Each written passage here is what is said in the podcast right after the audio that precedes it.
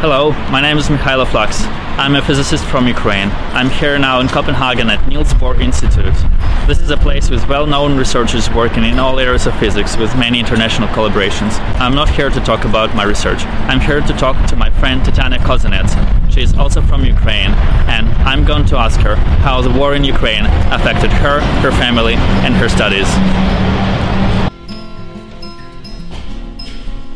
Hi, my name is Tanya and I come from Kiev, Ukraine.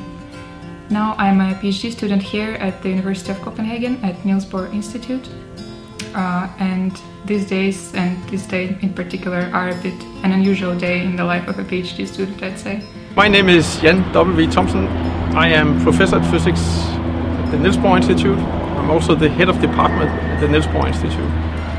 My name is Ian Bearden. I'm a professor at the Niels Bohr Institute, and I'm the chair of the Danish Physical Society. Um, I've been asked to say a few words about what I think about the situation in, uh, in Ukraine. My name is Oleg Ruchayskiy. I came to Denmark five years ago. I work here as a professor of particle physics. I would like to bring forward a few statements on the atrocities going on uh, in Ukraine. The Niels Bohr Institute strongly uh, deplore and condemns the actions taking place in Ukraine.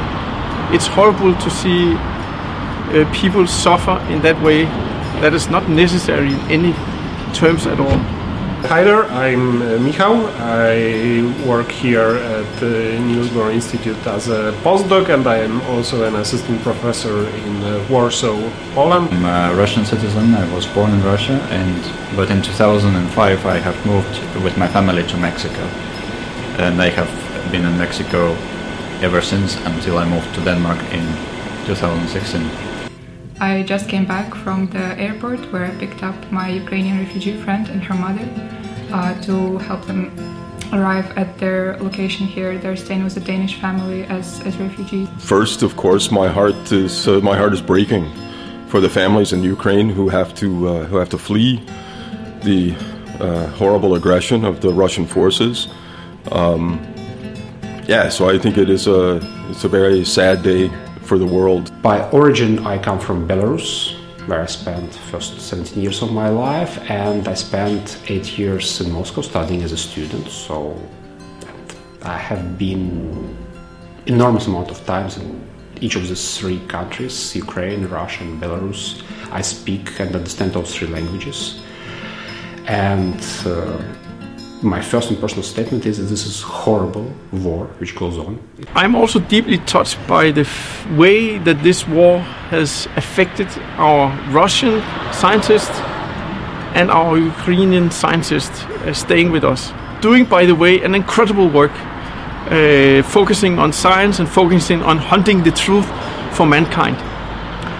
The way that this has affected the way that they perform, the way that they normally take up their duties, has affected me and, and my colleagues here at the Niels Bohr Institute deeply.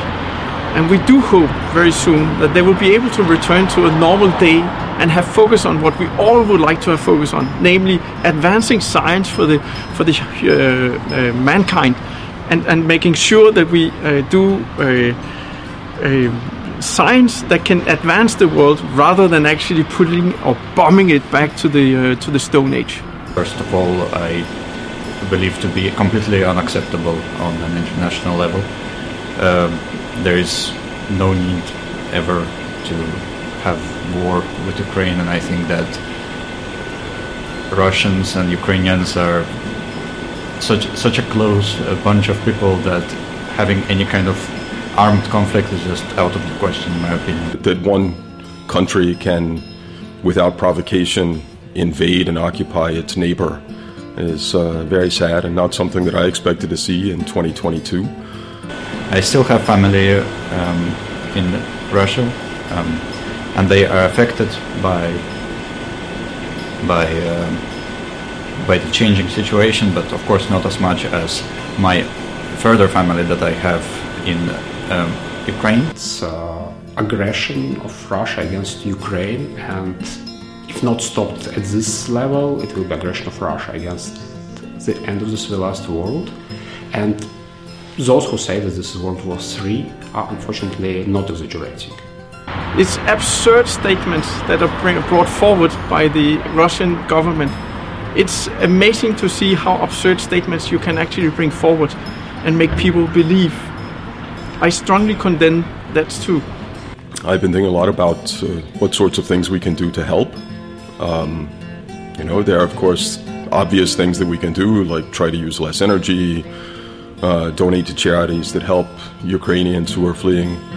Um, but there are other things that maybe we can do to, to help our Ukrainian colleagues and, and also our Russian friends and colleagues who are speaking out against Putin, Putin's aggression despite the enormous risk to themselves. Uh, and in general, these days are very unusual in terms of research because the kind of research that I do now is mostly figuring out how to evacuate my friends and family, how to help the volunteers in Ukraine, uh, and in general, as something as ambitious as how to protect my nation from the Russian invasion. I can tell that the the, the situation in Poland with the refugee crisis is certainly becoming difficult. Uh, it, it is certainly most difficult for the people who, who have to flee due to the war, but uh, we are we are accepting Ukrainians. I am very happy that the Polish people are trying to do their best. I have many friends in Ukraine, and I write to them every day. And every day I remember about somebody else whom I forgot to ask, How are you? And when I write to them, I'm afraid to hear at the end they're not there anymore. It's really hard for me to focus on the subject area that uh, I love the most when the people that I love the most are uh, in such danger every day and every night. Uh, but uh, we're all doing the best we can. We as scientists are also trying to do our best, so we have many labs, including mine, have already opened uh, the positions for uh, for people who can get scholarships or maybe just temporary jobs and we should all focus on what we have at hand as problems. We do not need a war now. We have huge problems on this planet that we need to solve, all of us together. We do not have time to go to war on each other, and we do not at all have time to go to war with each other for no reason. And you write to a person, and the person is in a bomb shelter. And you write to a student, and she's in the army. And this is downright horrible. When, it, when you, the young girl of 20 something years of age is in the military because she chooses so and you understand that. Yesterday you're teaching her physics and today she'll teach you what courage is and that's a big thing. I think that the western uh, economic boycotts and cooperation boycotts with uh, russian state institutions are very important and very good um, i think these things should happen and they should continue until all Russian forces have left Ukrainian soil.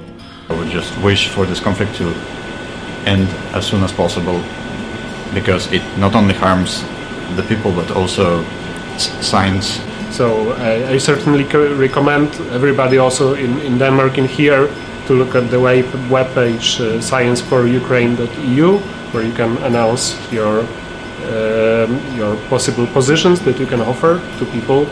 It's more difficult to, to think of things that we can do for our Ukrainian, Ukrainian colleagues because they are actually fighting for their lives now. Um, but we should certainly try to find ways to help Ukrainian students. Uh, we have a university here, they should be welcome. Um, maybe there are things we can do to help school children online with teaching and with experiments, I don't know. Um, but I think we should try to really make an effort to help as many people as we can. We should support them in all possible means, not only donating clothes for community or hosting ho- uh, refugees, but asking our governments and uh, EU politicians to fight this war as, as if it's already on our soil, because tomorrow it will be here. Seeing what's going on now in Ukraine, it is really horrible. I just hope this ends soon and uh, hopefully Ukrainian people can have peace and and uh, we can restore the, way it used to be. I'm very grateful for the host family who accepted my friend and her mother. I'm very grateful for a friend of mine who came here to raise awareness among the physicists and help me give this uh, speech at the Niels Bohr Centennial Conference. Uh, and in general, the support that we as Ukrainians and as researchers here have been receiving from the Danish community specifically has been really uh, pleasantly overwhelming, and we're just so grateful for any kind of support that we're receiving these days. Uh, I hope it will continue like that, and uh, that when we stay united as Europeans, it will be possible for us to overcome anything, including this. Thank you.